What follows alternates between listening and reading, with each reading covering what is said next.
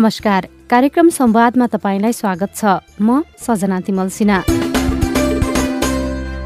कार्यक्रम संवाद सामुदायिक रेडियो प्रसारक संघ अखराबद्वारा सञ्चालित सामुदायिक सूचना नेटवर्क सीआईएन मार्फत देशभरि प्रसारणमा रहेका करिब तीन सय सामुदायिक रेडियोबाट सुन्न सकिन्छ। कार्यक्रम संवाद डब्लुडब्लुडब्लु डट सिआइएन खबर डट कममा इन्टरनेट मार्फत चाहेको बेला विश्वभरि सुन्न सकिन्छ भने मोबाइल एप सिआइएन डाउनलोड गरेर पनि सुन्न सकिन्छ। यसै गरी सामाजिक सञ्जाल फेसबुकमा पनि कम्युनिटी इन्फर्मेसन नेटवर्क सिआइएनमा गएर विश्वभरि सुन्न सक्नुहुन्छ। यो कार्यक्रम स्वास्थ्यसँग सम्बन्धित विविध विषयमा केन्द्रित रहनेछ। आजको कार्यक्रममा हामी खोप छुटेकै कारण बाँकेमा फैलिएको दादुराको प्रकोपले सन् दुई हजार तेइस अर्थात् अबको एक वर्षभित्र नेपालमा दादुरा निवारण गर्ने लक्ष्यमाथि देखिएको चुनौती विभिन्न रोग निवारणका लागि खोपको आवश्यकता र ग्रामीण भेगमा स्वास्थ्य चौकीमा सामान्य सिटामोल समेत नपाइने विषयमा कुराकानी प्रस्तुत गर्नेछौं। सुरुमा बाँकेको नेपालगञ्जमा फैलिएको दादुराको प्रकोप र यो निवारणका लागि भइरहेको कामको कुरा। बाँके जिल्ला पूर्ण खोप घोषणा भइसकेको जिल्ला हो तर बाँकेकै नेपालगञ्ज उपमहानगरपालिकामा गत साता खोप छुटेकै कारण दादुराको प्रकोप फैलियो। स्वास्थ्य सेवा विभाग अन्तर्गत परिवार कल्याण महाशाखाका अनुसार अहिलेसम्म डेढ सय भन्दा धेरै बालबालिकामा दादुराको संक्रमण पुष्टि भइसकेको छ जसमध्ये एकजनाको मृत्यु समेत भएको छ। सरकारले यो वर्षको अन्त्यसम्ममा दादुरालाई जनस्वास्थ्य समस्याका रूपमा नरहने गरी निवारण गर्ने लक्ष्य लिएको छ। तर गत सातादेखि बाँकेको नेपालगञ्जमा दादुराको प्रकोप फैलिएसँगै लक्ष्य प्राप्तिमा चुनौती देखिएको छ। यस विषयमा साथी अविनाश आचार्यले स्वास्थ्य तथा जनसंख्या मन्त्रालयका सहप्रवक्ता डाक्टर समीर कुमार अधिकारीलाई नेपालगञ्जमा दादुरा फैलनुको कारण के रहेछ भनेर पहिलो प्रश्न सोध्नु भएको छ। दादुरा मिजल्स र दादुराको यस किसिमको आउटब्रेक नेपालमा फाटापुट्ट विगतमा पनि कहिलेकाहीँ देखिएको अवस्था हो। हामी केही वर्षदेखिको हाम्रो प्रयास चाहिँ यस्ता आउटब्रेकहरू नदेखिउन् र सकेसम्म यो समस्यालाई न्यूनीकरण गर्दै लिएर गएर एउटा समयपछि निवारण गर्ने अवस्थामा जान सकियोस् भनेर काम गरिरहेका छौँ। अहिले पछिल्लो समय नेपालगञ्जमा देखिएको नेपालगञ्ज उपमहानगरपालिका र खजुरा नगरपालिकामा जुन सङ्क्रमण देखियो बालबालिकाहरूमा त्यो देखिएको भनेको त्यो एक्सपेक्टेड चाहिँ होइन मतलब त्यस्तै हुनैपर्छ भन्न खोजिएको होइन। त्यो हुनु नराम्रो कुरा हो नहुनु पर्थ्यो एउटा पनि आउटब्रेक नहोस् केही वर्षदेखि नहोस् भनेर प्रयास गरिरहेका छौँ। तर पछि हामीले त्यो सङ्क्रमण पुष्टि भएपछि देखिएपछि त्यसको खोज पडतालहरू गर्ने क्रममा के देखियो भने खोप लगाउन छुटेको। बालबालिकाहरू जसले खोपै लगाउनु भएको छैन मिजल्स रुबेलाको लागि खोप लगाउनु भएको छैन अथवा कसैले लगाउनु भएको छ पूर्ण मात्रा गर्नुभएको छैन त्यस्तो मात्रै भेटियो क्या फेरि त्यही ठाउँलाई पूर्ण खोप युक्त क्षेत्र भनेर घोषणा गरियो। होइन त्यो त पहिले गरिएको भयो। त्यतिखेरको अवस्थामा सबै हिसाबले खोप का सबै मापदण्ड पुगेको हिसाबले गरिएको हुन्छ। तर त्यसपछि फेरि निरन्तर खोपको अभियान त चलिरहने हुन्छ नि। त्यो बिचमा बालबालिका नयाँ जन्मिने नयाँ खोप लगाउने उमेर समूहहरू हुने त्यो त क्रम चलिरहन्छ। त्यो बिचमा छुटेर हो। त्यो बिचमा छुटेको घोषणा भइसकेपछि छुटेका पछि पछिको सन्दर्भको कुराहरू हो। त्यसमा चाहिँ हामीले के गरी छुट्यो कसरी भयो कहाँबाट सङ्क्रमण आयो त्यसको खोज पडताल गरेर त्यसका सबै समाधानका उपायहरू चाहिँ गरिसकेका छौँ। अहिले खोप अभियानले सबै बालबालिकालाई कभर गरिसकिएको छ। लगभग सङ्क्रमण पनि नियन्त्रणमा लिइसकेको अवस्था छ। कहाँबाट सङ्क्रमण आयो कसरी फैल्यो भनेर खोज केसको खोजीहरू गर्ने र उपचार व्यवस्थापन गर्ने कामहरू चाहिँ भइसकेको अवस्था छ।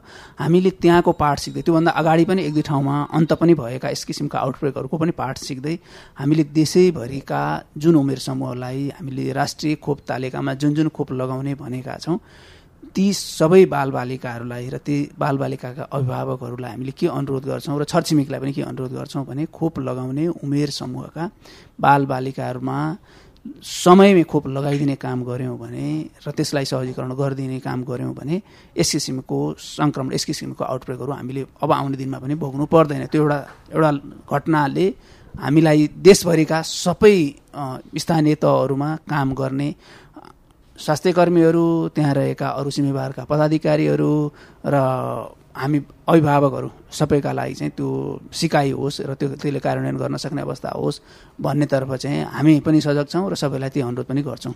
यो एउटा दादुराले यो पाठ देखायो मात्रै। अहिले स्वास्थ्यको विषय तल्लो निकाय भनेको पालिकाले हेरिराखेको छ। यो दादुरा जसरी फैलियो यसले चाहिँ स्वास्थ्यका क्षेत्रमा चाहिँ पालिकाहरूबाट भइराखेको त्रुटि अथवा जे विषयलाई घोषणा गरेर पूर्ण खोपयुक्त भनेर घोषणै गरिन्छ फेरि केही समयपछि चाहिँ त्यहाँ किन त्यो फैलियो भनेर भन्दाखेरि चाहिँ खोप नलगाएका बालबालिका भेटिए भनेर निष्कर्ष निकालिन्छ। यसले चाहिँ नागरिकको चेतनाको स्तर कम देखाउँछ कि पालिकाहरूको त्रुटिको स्तर कम देखाउँछ?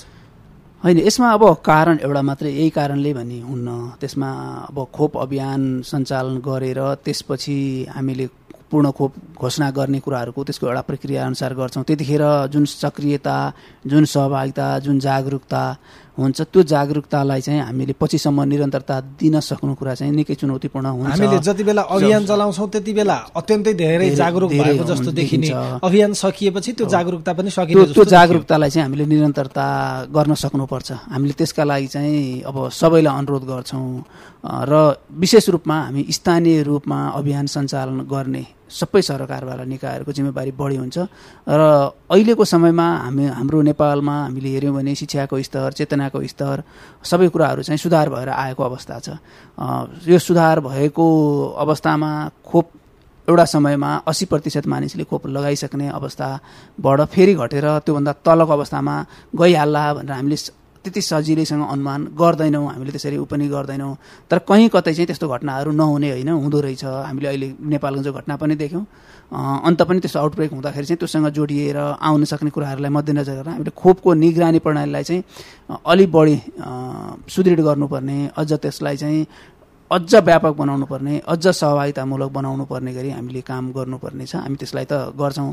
तर विशेष रूपमा हामी स्थानीय तहहरूबाट स्थानीय रूपमा रहेका स्वास्थ्य कर्मी र स्थानीय तहका पदाधिकारीहरूले चाहिँ स्वास्थ्यका जनस्वास्थ्यका विषयहरूमा जुन अभियान सञ्चालन गर्दा मात्रै होइन स्वास्थ्यका जनस्वास्थ्यका हिसाबले सधैँ हामीले खोपलाई र पोषणलाई चाहिँ बढी प्राथमिकता दिनुपर्छ। जुन चाहिँ सानो उमेरमा हामीले बढी प्रयोग गर्ने अथवा लगाउने हुन्छ र त्यसको प्रभाव चाहिँ जीवन पर्यन्त रहने खालको हुन्छ। तत्कालको सङ्क्रमण मात्रै कुरा होइन। तत्काल सङ्क्रमण भइहाल्दा त्यतिखेर हुने प्रभाव एउटा भने त्यो सङ्क्रमणले वृद्धि विकास र अरू कुराहरूलाई पनि असर गर्ने हुन्छ। र जीवन पर्यन्तको शारीरिक र मानसिक वृद्धि विकासलाई त्यसले असर गर्ने भएको हुनाले हामीले यो दुइटा कुरालाई चाहिँ एकदमै बढी ख्याल गर्नुपर्ने। सबैलाई मैले चाहिँ अनुरोध गर्छु। अब यो अभियान पछिको कुराहरू पनि त्यहीसँग त्यही एउटै स्पिरिटमा लिएर जानुपर्छ होला।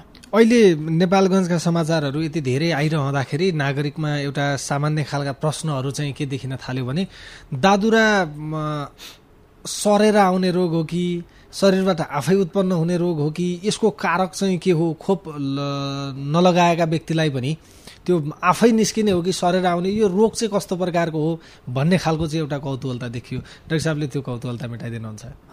यस्तो हो अब यो एउटा भाइरसको सङ्क्रमणबाट हुने सङ्क्रमण हो रोग हो यो चाहिँ आफै बनेर आउने होइन। यसको भाइरस कुनै न कुनै माध्यमबाट हाम्रो शरीरमा आएर बालबालिका विशेष रूपमा बालबालिकालाई बढी सङ्क्रमण हुन्छ। ती माध्यमहरू चाहिँ के के हुन सक्छन् ती चाहिँ हाम्रो नाक मुखबाट आउने पदार्थहरू विशेष रूपमा र्यालहरू सिँगानहरू निकाल्ने त्यसबाट हामीले जुन आछ्यौँ गर्दा निस्किने बाछिटाहरू एउटाबाट अर्को व्यक्तिहरूमा सर्दाखेरि चाहिँ सङ्क्रमणहरू बढी हुन्छ नाक मुखकै माध्यमबाट हुने सङ्क्रमण हो। हामीले त्यसरी बुझ्नुपर्ने हुन्छ। अब यो भाइरस चाहिँ वातावरणमा हामीले छोडेको भनौँ न हामीले त्यो निस्केको पदार्थहरू कहीँ हुँदाखेरि चाहिँ हामीले छोएर नाकमुखमा फेरि छोयौँ भने सर्छ बालबालिकालाई त्यसरी जाने खालको सर्ने खालको हुन्छ। तर जसले खोप लगाउनु भएको छ उहाँहरू लगाउनेहरूको शरीरमा रोग प्रतिरोधात्मक क्षमता पुरा मात्रा खोप लगाउनेकोमा पूर्ण रूपमा बनेको हुन्छ र त्यो जीवन पर्यन्त काम गर्छ। तर खोप लगाउनु भएको छैन खोप लगाउने समयमा खोप लगाउन छुट्नुभयो भने त रोग प्रतिरोधात्मक क्षमता विकास हुँदैन। त्यस्तो रोग प्रतिरोधात्मक क्षमता नभएको व्यक्तिमा चाहिँ त्यो भाइरस सजिलैसँग सर्छ। र स्वास्थ्य जटिलता पनि बढी बनाउने हुन्छ। उहाँबाट अरू व्यक्तिमा थप सर्दै जाने सम्भावना बढ्छ र समुदायमा खोप लगाउन छुटेको बालबालिकाहरू अथवा रोग प्रतिरोधक क्षमता नभएका व्यक्तिहरूको सङ्ख्या बढी हुँदै जाँदाखेरि त्यसको जोखिम चाहिँ अझ बढी बढेर जाने खालको हुन्छ। अहिले दुई हजार तेइस भनेको यही वर्षभित्र दादुरालाई निर्मूल बनाउने भनेर एउटा लक्ष्य लिएको थियो। नेपालगञ्जमा देखिएको यो समस्याले त्यो लक्ष्यमा चाहिँ कतिको धक्का पुग्छ? हामी सफल हुन्छौँ जुन हिसाबले लक्ष्य लिएर यस्तो हुन्छ। हामीले निर्मूल गर्ने लक्ष्य चाहिँ प्रति दस प्रति लाखमा अथवा प्रति दस लाखमा कतिजना भन्दा कम भयो भने कुन भूगोलमा कतिजना भन्दा कम भयो भन्ने हिसाबले लक्ष्य निर्धारण गरिएको हुन्छ। निर्मूल गर्ने हिसाबको लक्ष्य निर्धारण गर्दा। त्यस्तोमा चाहिँ अब सङ्क्रमण नदेखिँदाखेरि सहज अवस्था हुन्छ निर्मूल गरेको लक्ष्यअनुसार प्राप्ति गर्नका लागि। तर कुनै ठाउँमा सङ्क्रमण देखियो त्यो आउटब्रेक भयो त्यो सङ्क्रमण बढेर गयो सङ्ख्या अलिकति ठुलो भयो भने त स्वाभाविक रूपमा प्रति लाखमा भनिएको सङ्ख्या त घटेर जाने खालको मतलब नम्बर सङ्क्रमित हुनेहरूको सङ्ख्या त बढ्ने हुन्छ। त्यसले गर्दा चाहिँ हाम्रो लक्ष्यलाई त पक्कै पनि चुनौती त थप्छ नै। तपाईँ अहिले कार्यक्रम संवाद सुनिरहनु भएको छ। आज आइतबारको संवादमा हामी स्वास्थ्यसँग सम्बन्धित विविध विषयमा कुराकानी गरिरहेका छौं। आज हामीले खोप छुटेकै कारण बाँकेमा फैलिएको दादुराको प्रकोपले सन् दुई हजार तेइस अर्थात् अबको एक वर्षभित्र नेपालमा दादुरा निवारण गर्ने लक्ष्यमाथि देखिएको चुनौती विभिन्न रोग निवारणका लागि खोपको आवश्यकता र ग्रामीण भेगमा स्वास्थ्य चौकीमा सामान्य सिटामोल समेत नपाइने विषयमा स्वास्थ्य तथा जनसङ्ख्या मन्त्रालयका सहप्रवक्ता डाक्टर समीर कुमार अधिकारीसँग कुराकानी गरिरहेका छौं। अब यो दादुरापछि कोभिडको पनि सँगै जोडेर कुरा गरौँ। केही समय अगाडि मात्रै सार्वजनिक स्थानमा हिँड्दाखेरि मास्क अनिवार्य रूपमा प्रयोग गरौँ। भनेर एक किसिमको चेतावनी नै जारी गरिएको थियो। भारत लगायत चिनमा त सङ्क्रमण बढिराखेको स्थिति छ। नेपालमा चाहिँ अहिले कोरोनाको अवस्था के होला भनेर आम नागरिकले चासोका रूपमा लिइराखेका छन्। अहिले चाहिँ यहाँ कोभिडको अवस्था के छ? अब कोभिड उन्नाइसको सङ्क्रमणको कुरा गर्दा नेपालमा हामी सुन्नेको अवस्थामा आइसकेका छैनौँ। हामीसँग भइरहेको सङ्क्रमणको कुरा गर्दा सक्रिय सङ्क्रमितहरू पुष्टि भएको सक्रिय सङ्क्रमितहरू पनि हामीसँग हुनुहुन्छ। त्यसले समुदायमा अरू थप सङ्क्रमण हुन सक्ने भएको र सम त्यो परीक्षणको दायरासम्म नआइपुग्नु भएको पनि हुन सक्ने अनुमान पनि गर्न सकिन्छ। जसले गर्दा सङ्क्रमण गराउने भाइरस हाम्रो समुदायमा छ भन्ने एउटा बाटो अर्को चाहिँ सङ्क्रमण फैलिनेका लागि जुन उपयुक्त वातावरण हुन्छ नि जुन हामीले भौतिक दूरीको कुरा मास्कको कुरा हातको सरसफाइको कुराहरू हामीले जुन भनिरहेका हुन्छौँ त्यसको व्यवहार चाहिँ तुलनात्मक रूपमा अलि अगाडि सङ्क्रमणको जोखिम अलि उच्च बुझ्दाखेरि अलि बढी देखिन्थ्यो भने अहिले जोखिम कम बुझ्दै गएपछि अलिकति कम हुँदै गएको देखिन्छ भनेपछि एकातिर भाइरस हुनु एकातिर सङ्क्रमण फैलिनका लागि उपयुक्त हुने खालको वातावरण पनि बढ्दै जानु। त्यसले गर्दा हामी भित्रैको सङ्क्रमणको कुरा चाहिँ जोखिम छ हामीले त्यसलाई अलिकति सचेत भएरै हामीले व्यवहार गर्नुपर्छ भन्ने एउटा देखाउँछ। अर्को के देखिन्छ भने छिमेकी मुलुकहरूकोमा त नयाँ किसिमका जुन भेरिएन्टकै पनि नयाँ जातिहरू चाहिँ पुष्टि भइरहेको र त्यसले सङ्क्रमण बढेको कुराहरू आइरहेको छ। यद्यपि त्यसका धेरै कुराहरू चाहिँ विश्लेषणबाट आउन बाँकी छन् धेरै प्रमाणहरू आउन बाँकी छन् त्यसका भित्रका धेरै कुराहरू अझै हामी सबैलाई सेयर हुन बाँकी नै छ त्यसरी आइसकेको धेरै तथ्यहरू आइसकेका छैनन्। तर जति आएको छ त्यसले सङ्क्रमण नयाँ सब भेरिएन्ट नयाँ भेरिएन्टको हिसाबले बढेको छ सङ्क्रमणको सङ्ख्या बढेको छ भन्ने देखिराखिएको अवस्थामा थप जोखिम त हामीलाई बढाएको छ। दुइटै पाटोको हिसाबले हामी कहाँ सङ्क्रमण बढेको अवस्था छ। तर हामीले अहिले नेपालमा हेऱ्यौँ भने सङ्क्रमण पुष्टि भएकाहरूको हामीले जिन सिक्वेन्सिङ गरिरहेका छौँ। जिन सिक्वेन्सिङको आजै मात्र प्राप्त भएको रिपोर्टहरूको आधारमा पनि हेऱ्यौँ भने छिमेकी कहाँ पुष्टि भएका नयाँ भेरिएन्टहरू हामी कहाँ अहिलेसम्म देखिएको पुष्टि भएको अवस्था छैन। हामी कहाँ पहिले जुन सङ्क्रमण थियो तिनै सङ्क्रमणहरू मात्रै अहिलेसम्म पुष्टि भएका छन्। आज मात्रै प्राप्त भएको रिपोर्टले पनि त्यही नै देखाएको छ। अब हामीले बारम्बार खोप लगाउन नागरिकलाई आग्रह गरिराखेका छौँ। खोप को पूर्ण मात्रा लगाएमा चाहिँ कोभिडबाट बच्न सकिने भन्ने खालका चेतावनीहरू हामीले जारी गरिराखेकै छौँ। तर पनि नागरिकले खोप कुन खोप पहिलो लगाएर कुन खोप दोस्रो लगाउँदा हुने हो? बुस्टर मात्रा खोप चाहिँ कुन लगाउनु पर्ने हो? कहिले लगाउनु पर्ने यी चाहिँ खोपको उपलब्धतामा नागरिकको सहजता र सहज पहुँचता देखिराखेको छैन। ती हामीलाई उहाँहरूले पठाएका गुनासोहरूबाट पनि स्पष्ट हुन्छ। अहिले खोप वितरणको चाहिँ अवस्था के छ? मन्त्रालयले खोप वितरण कसरी गरिराखेको छ? कोभिड उन्नाइसको सङ्क्रमण र सङ्क्रमणको जटिलता रोक्नका लागि सङ्क्रमण रोक्नका लागि जनस्वास्थ्यका उपायहरू जुन हामीले भनेका छौँ एसएमएस भन्छौँ भौतिक दूरीको कुरा मास्कको प्रयोगको कुरा हातको सरसफाइको कुराहरू भन्छौँ यो नै अहिलेसम्म सिद्ध भएको प्रमुख उपाय हो सङ्क्रमण रोक्नका लागि र सङ्क्रमणको जटिलता रोक्नका लागि चाहिँ खोप हो सिद्ध भएको उपायमा खोप हो जुन प्रभावकारी छ र हामीले आफूले पनि भोगेका छौँ पहिलो सङ्क्रमणको पहिलो लहरदेखि आजसम्म आउँदाखेरि हामीले त्यसको सबै प्रभावकारिताहरू हेर्दाखेरि हामीलाई जटिलता रोक्नका लागि एकदमै धेरै काम गरेको हामीले पाएका छौँ। अब खोपको उपलब्धता अथवा खोप लगाउने कुराहरूमा सहजताको कुराहरू गर्दाखेरि हामी अलि बढी जोखिम आकलन गऱ्यौँ अलि बढी जोखिम बुझ्यौँ भने हामीले जनस्वास्थ्यको मापदण्ड पनि अलि बढी पालना गर्ने जस्तो हो। खोप लगाउने ठाउँमा पनि अलि बढी लामो लाइन लागेर हामी खोप लगाउन जाने जस्तो बढी देखिने तर जोखिम कम हुँदै गयो भने हामीले मापदण्ड पनि पालना कम गर्न खोज्ने खोप लगाउने ठाउँहरू पनि जाने क्रम चाहिँ कम गर्ने खालको हाम्रो प्रवृत्ति विगतदेखि नै देखिएको छ। हामी सर्वसाधारण सबैलाई के अनुरोध गर्छौँ भने अहिले स्वाभाविक रूपमा त्यो प्रवृत्ति कम देखिएपछि खोपको निश्चित म्यादभित्रमा खोप प्रयोग गरिसक्नुपर्छ नभए खेर जाने हुन्छ। त्यो खेर जान सक्ने कुरालाई पनि आकलन गरेर हाम्रो खोप लगाउन जानेहरूको जुन भनौँ न हामी जानलाई जागरुकता अथवा जाने ठाउँमा हाम्रो लाइन लाग्ने कुरा र हाम्रो भण्डारण भएको खोपको तादम्यता मिलाउँदै जाँदाखेरि चाहिँ हामीले धेरै खोपहरू ल्याउने कुराहरूलाई अलिकति पछाडि सारेकै हो पहिला। किनभने त्यो खोप ल्याएर फेरि खोप खेर जान सक्छ कि भनेर अलिकति सारेको। तर यही बिचमा अलिकति फेरि जोखिमको हिसाबले अलिकति बढी भयो छिमेकानी सङ्क्रमण बढ्यो भनेपछि हामी कहाँ लगाउनेहरूको भिड चाहिँ अलिकति बढ्ने गएको हो। त्यसले गर्दाखेरि केही ठाउँहरूमा हामी कहाँ खोप उपलब्ध हुन नसकेको हामीसँग केन्द्रीय भण्डारण भएका खोपहरू हामीले सबै ठाउँहरूमा पहिले उपलब्ध गराइसकेका छौँ। केही केही ठाउँहरूमा उपलब्ध भएको खोपहरू प्रयोग पनि भइरहेका छन्। धेरै जसो स्थानीय तहहरूले हामीसँग भण्डारणमा पनि सकिसक्यो भन्नु भन्नुभएको छ। केन्द्रीय भण्डारण त हामीसँग पहिल्यै सकिसकेको खोपको अवस्था हो। अब हामीले ल्याउने खोपहरूलाई चाहिँ अब यसरी हामीसँग सकिँदैछ लगाउने जागरुकता बढ्दैछ अलिकति बढी लगाउने मान्छेहरू पनि हुनुहुन्छ भन्ने भएपछि खोप ल्याउने पहललाई अगाडि सारेका छौँ। हामीले पछाडि सारेका तत्काल ल्याउने गरी कामहरू अगाडि बढाएका छौँ। माघ पहिलो हप्ता दोस्रो पहिलो हप्ताको अन्त्यसम्ममा दोस्रो हप्ताको सुरुसम्ममा खोपहरू आइसक्छ र हामीले खोप अभियान सुरु गर्छौँ। खोप उपलब्धतामा समस्या होइन। अब हामी सर्वसाधारणहरूले नेपालमा प्रयोग भएका खोपहरूमध्ये पहिलो मात्राको रूपमा जुनसुकै लगाएको भए पनि दोस्रो मात्रा अथवा बुस्टर मात्राको रूपमा अहिले हामीसँग उपलब्ध हुने खोपहरू हामीले प्रयोग गर्न मिल्छ। अहिले हामीले जुन फाइजरको खोपहरू ल्याउँदैछ जुन खोपहरू आउँदैछ ती खोपहरू हामीले पूर्ण मात्राका रूपमा अथवा बुस्टर मात्राका रूपमा हामीले प्रयोग गर्न मिल्छ। त्यस्तै खोपहरू मात्रै हामीले व्यवस्थापन गरेका छौँ। पहिलो खोप लगाएको हामीले चार हप्ता पछि भनौँ एक महिनामा हामीले दोस्रो खोप लगाउने कुरा र दोस्रो खोप लगाइसकेपछि तिन महिना कटेपछि बुस्टर मात्रा लगाउने भनेका छौँ। त्यसै अनुसार आवश्यक प्रबन्धहरू चाहिँ हामीले गरिरहेका छौँ। अहिले हेऱ्यौँ भने लक्षित जनसङ्ख्याको लगभग शत प्रतिशतले पूर्ण मात्रा खोप नै लगभग लगाइसक्नु भएको अवस्था छ। भनेको एक मात्रा लगाउने त झन्डै झन्डै सय प्रतिशत हुनुहुन्छ। दोस्रो मात्रा पनि लगाउने व्यक्तिहरू झन्डै सन्तानब्बे प्रतिशतको हाराहारी पुगिसक्नु भएको छ। लक्षित जनसङ्ख्याको हिसाबले कुरा गर्दा बुस्टर मात्रा लगाउनेहरूको सङ्ख्या चाहिँ तुलनात्मक रूपमा कम छ।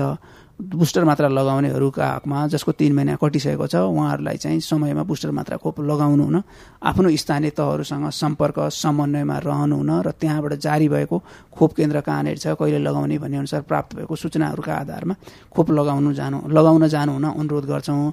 र खोप सकिएको अथवा खोप अहिले हामीसँग उपलब्ध नभएको अवस्थामा चाहिँ अब एक हप्ता हामीले भनेपछि एक हप्ता हप्ता दस दिनमा खोपहरू आउँछ र त्यसै अनुसारको खोपका केन्द्रहरू अथवा खोप व्यवस्थापनको कामहरू हुन्छ त्यहाँ गएर हामीले लगाउन सक्छौँ। अर्को कुरा चाहिँ हामीले अहिले कोरोना विरुद्धको खोपको खोप उपलब्ध गराउन त नजिकको स्वास्थ्य संस्थाबाटै त्यसलाई प्रभावकारी रूपमा उपलब्ध गराउन सकिराखिएका छौँ। ग्रामीण भेगमा अझै पनि ग्रामीण भेगमा हुने स्वास्थ्य चौकीमा चाहिँ सिटामल बाहेकको अरू कुनै औषधि पाइँदैन। अलिकता विशिष्ट खालको सेवा दिने भनिएकामा पनि रिफरल खालका अस्पतालहरू बनिराखेका छन्। सरकारी स्वास्थ्य संस्था प्रभावकारी बनाउन मन्त्रालयले चाहिँ के गरिराखेको छ सरकारले के गरिराखेको छ किन चाहँदैन कि चाहँदै र हुँदा चाहेर पनि हुँदैन कि भन्ने खालका गुनासाहरू चाहिँ एकदमै धेरै सुनिन्छन् ग्रामीण भेगका नागरिकबाट।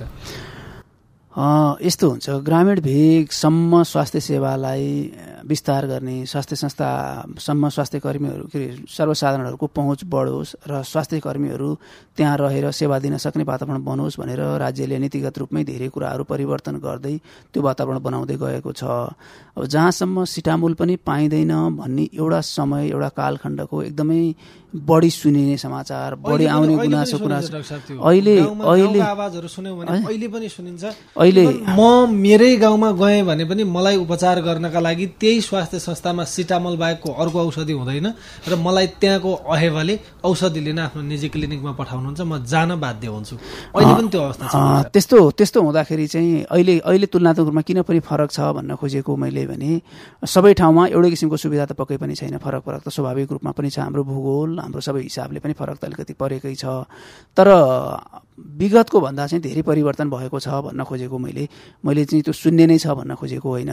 अहिले चाहिँ औषधि उपलब्ध भएन भने स्थानीय सरकार त्यहीँ छ। स्थानीय तहहरूबाट आवश्यक अत्यावश्यक औषधिहरूको व्यवस्थापन हुने प्रबन्धहरू छन्। सबै पहिले विगत जस्तो काठमाडौँबाटै औषधि एउटा कुनै दूर दराजको स्वास्थ्य चौकीमा पुग्नै पर्ने अवस्थाको अन्त्य भइसकेको अवस्था छ। सरकारले पठाउनु पर्ने औषधि पनि पठाइराखेको छ अहिले स्वास्थ्य संस्थामा जति प्रकारका औषधि निशुल्क दिइने भनेको छ त्यति प्रकारका औषधि निशुल्क पाइँदैनन् डाक्टर साहब अहिले पनि।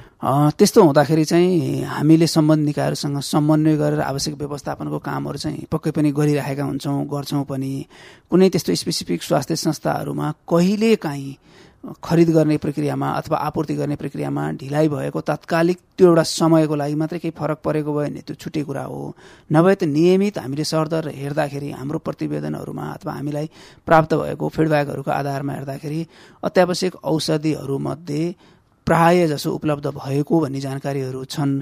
त्यस्तो तपाईँले भन्नुभएको जस्तो यो संस्थामा यस्तो छ भन्ने हिसाबले हामीले त्यसरी फिडब्याकहरू आम सर्वसाधारणबाट आम सञ्चार माध्यमहरूबाट पायौँ भने सम्बन्धित स्थानीय तहहरूसँग बसेर समन्वय गरेर यस्तो यस्तो छ यसलाई अलिकति सहजीकरण के के गर्नुपर्छ भन्ने खालको वातावरण पनि हामीलाई काम गर्न पनि सहज हुने वातावरण हुन्थ्यो। मैले जोड्दै थिएँ एउटा आम नागरिकले स्वास्थ्य संस्थामा गएर उसले पाउनुपर्ने खालको सुविधा सामान्य खालको सुविधा पनि पाएन भने उसले सरकारले सुन्ने गरी कहाँ गुनासो गर्ने? अवश्य भने। एकदमै म त्यहीँ आउँदै थिएँ। त्यस्तोमा हामीले सबभन्दा सुरुमा स्थानीय आफ्नो स्थानीय तहका जनप्रतिनिधिहरूलाई सम्पर्क गरेर यस्तो यस्तो छ भन्यो भने त्यहाँ स्रोत साधन त्यहाँबाट हुने व्यवस्थापन उहाँहरूले गर्नुहुन्छ। र थप त्यहाँ गर्न नसकिने भयो थपहरू व्यवस्थापनका लागि हो भने सम्बन्धित प्रदेशसँग र सम्बन्धित निकायहरूसँग उहाँहरूले सम् समन्वय गर्ने कामहरू गर्नुहुन्छ। हामीले तत्काल सेवा पाएनौँ तत्काल जनशक्ति भएन भने हामीले सबभन्दा पहिला ढोका ढकढक्याउने हामीले कुरा गर्ने चाहिँ सम्बन्धित स्थानीय तहको स्वास्थ्य शाखामा सम्बन्धित हामीले भोट दिएर चुनेका जनप्रतिनिधिहरूसँग चाहिँ यहाँ औषधि उपलब्ध भएन हामीले यसरी गर्नुपर्छ यस्तो हो भनेर हामीले त्यहाँ भन्न सक्छौँ। त्यसपछि थप के के गर्नुपर्छ त्यसअनुसार अरू प्रबन्धहरू हुन्छ र हामीले पनि सम्बन्धित विषयको विषय हेर्ने मन्त्रालय भएको हिसाबले पनि आफ्नो तरिकाले अनुगमनहरू गरिरहेका हुन्छौँ। विभिन्न निकायहरूबाट थप हामीले पृष्ठपोषण पाइरहेका हुन्छौँ। त्यसका आधारमा के के सहजीकरण गर्न सकिन्छ भनेर स्वास्थ्य मन्त्रालय पनि आवश्यक सहजीकरणहरू चाहिँ गरिरहेको हुन्छ। त्यस किसिमका प्रतिक्रियाहरू चाहिँ स्थानीय तहलाई स्वास्थ्य मन्त्रालयलाई त्यसरी उपलब्ध हुने खालको वातावरण भयो भने अवश्य पनि सुधार गर्नलाई चाहिँ सजिलो हुन्छ। अन्तिममा डाक्टर साहबले ती आम मान्छेलाई ती आम नागरिकलाई जसले अहिले रेडियो सुनिराखेका छन् उनीहरूले आफ्नो नजिकको स्वास्थ्य संस्थाबाट के के सामान्य उपचार चाहिँ त्यही पाउन सक्छन् र फ्रीमा पाउन सक्छन्? हामीले नि शुल्क रूपमा उपलब्ध हुने औषधिहरूको सूची नै बनाएका छौँ। हरेक स्वास्थ्य संस्थामा त्यो सूची उपलब्ध हुन्छ हरेक स्थानीय तहमा पनि त्यो सूची उपलब्ध हुन्छ। त्यो लामो सूची भयो हुनाले मैले सबै औषधिको सूची भन्न पनि सम्भव भएन अहिले। हामी सामान्य उपचार लिनुपर्ने। सबै किसिमका उपचारहरू त्यसमा समावेश भएका छन्। औषधिहरू पनि परीक्षण पनि परामर्श पनि। अरू हामीले त्यसबाट उपचार हुन नसकेर त्योभन्दा ठुलो अथवा अरू ठाउँको विशिष्ट सेवाका लागि हामी रिफर भएर जानुपर्ने अवस्थामा पनि हाम्रो स्वास्थ्य अवस्थालाई बिग्रिने नदिकन नबिग्रिने अवस्थामा स्थिर राखेर मात्रै रिफर गर्नेसम्मको प्रबन्ध चाहिँ हरेक दूरदराजमा रहेका स्थानीय स्वास्थ्य संस्थाहरूबाट स्थानीय स्वास्थ्य कर्मीहरूबाट हुनुपर्छ त्यो हुन्छ र त्यसपछि मात्रै रिफर गरेर अर्को सेन्टरमा पठाउने प्रबन्धहरू गरिएको हुन्छ। हामी आम सर्वसाधारणलाई के भन्छौँ भने तपाईँ हाम्रो स्वास्थ्य सुरक्षाको कुरा चाहिँ तपाईँ हामीले खानेकुरा तपाईँ हामीले गर्ने व्यवहारको कुरा तपाईँ हाम्रो पानीको कुरा खानपानको कुरा आहार विहार हाम्रो आराम विरामको कुराहरूसँग जोडिन्छ एउटा। त्यसपछि हामी बिरामी भइसकेपछि हामीले परामर्श गर्ने भनेको नजिकमा रहेको हेल्थ पोस्ट अथवा हाम्रो नजिकमा रहेको स्वास्थ्य कर्मीहरू जो हुन्छ स्वास्थ्य संस्था हुनुहुन्छ अथवा महिला स्वयंसेविकाहरू हुन्छ उहाँहरूसँग परामर्श लिने कुरा र उहाँहरूको परामर्शका आधारमा त्यहाँ स्थानीय स्वास्थ्य संस्थाहरूबाट उपलब्ध भएको औषधि लिने हो कि त्यहाँबाट लिएको परामर्श लिने हो कि अरू व्यवहारका कुराहरू हुन्छ। सबै बिरामीको उपचार चाहिँ औषधि मात्रै अन्तिम विकल्प होइन। सबैको उपचार अथवा रोग लाग्न नदिने कुरा भनेको हाम्रो खानपान हाम्रो आहार विहार र हाम्रो व्यवहार हो। औषधि भनेको त केही समयका लागि हामीलाई सहयोग गर्ने हाम्रो शरीरको रोग प्रतिरोधात्मक क्षमतालाई बलियो बनाउन अथवा केही समयलाई त्यो शरीरको क्षमताले नै काम गर्ने अवस्थासम्म ल्याउनका लागि टेको लगाउने काम हो। हामीले त्यो कुराहरूमा अलिक बढी ख्याल गर्नुपर्ने हुन्छ।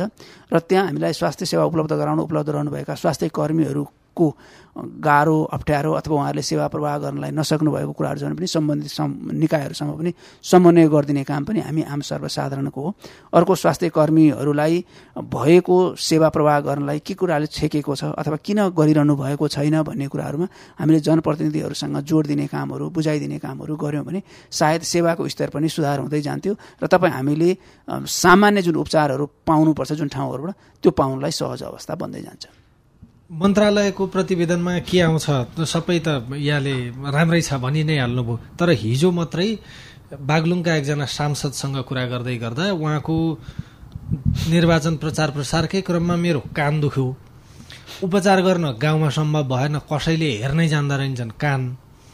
त्यसपछि बागलुङको एउटा मात्रै प्रादेशिक अस्पतालमा जाँदा पनि मेरो कान हेर्ने मान्छे नभएर मैले निजी स्वास्थ्य संस्थामा गएर कान जचाएर आएँ त्यस्तो रहेछ गाउँको अवस्था भनेर उहाँले हिजो मात्रै हाम्रै रेकर्डहरूमा भन्नुभएको छ। त्यो अवस्था छ गाउँको।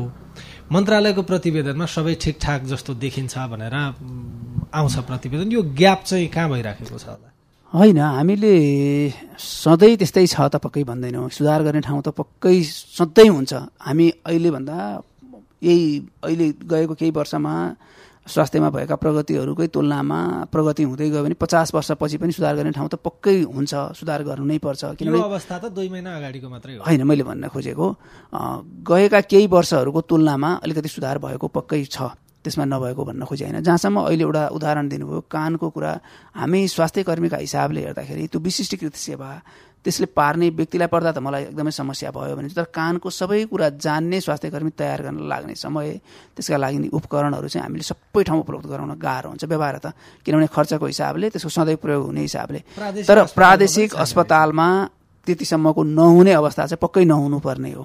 त्यहाँ चाहिँ कान हेर्नै नजाने त्यो बुझ्नै नजाने भने त्यस्तो त नहुनु पर्ने हो। त्यो त हामीले थप बुझेपछि अरू थप कुरा भन्न सक्छौँ। के भएको हो भन्ने हिसाबमा अब उहाँले कसलाई सम्पर्क गर्नुभयो कसरी भयो के भयो त्यो त हामीलाई थाहा भएन। जनप्रतिनिधिले भन्नुभएको कुरा त सही होला। त्यसका आधारमा हामीले थप कुराहरू चाहिँ अनुसन्धान गर्ने अथवा के भएको छ भनेर बुझ्ने कामहरू चाहिँ हामीले सम्बन्धित निकायसँग चाहिँ गर्छौँ।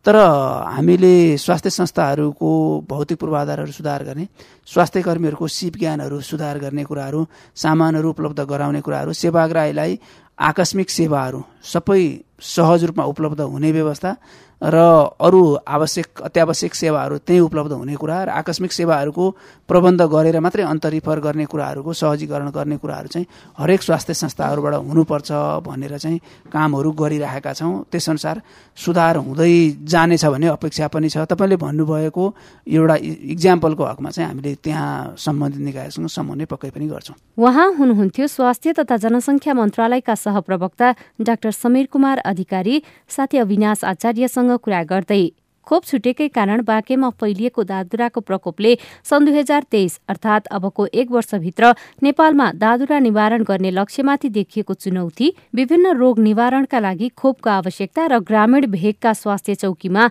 सामान्य सिटामोल समेत नपाइने विषयमा कुराकानी गर्दै यो कुराकानीसँगै आजको लागि कार्यक्रम संवादको समय सकिने लाग्यो। आजको विषयवस्तु तपाईँलाई कस्तो लाग्यो? तपाईँ हामीलाई हाम्रो टेलिफोन नम्बर शून्य एक बाहन्न साठी छ चार छमा फोन गरेर आफ्नो कुरा भन्न सक्नुहुनेछ। यस्तै सिआइएनको Facebook page community information network सिआइएनमा गएर आफ्ना कुरा लेख्न सक्नुहुनेछ। आजका लागि सिआइएनले तयार पारेको कार्यक्रम संवादबाट प्राविधिक साथी सुरेन्द्र सिंहसँगै सजना तिमल सिना विदा हुन्छु। नमस्कार।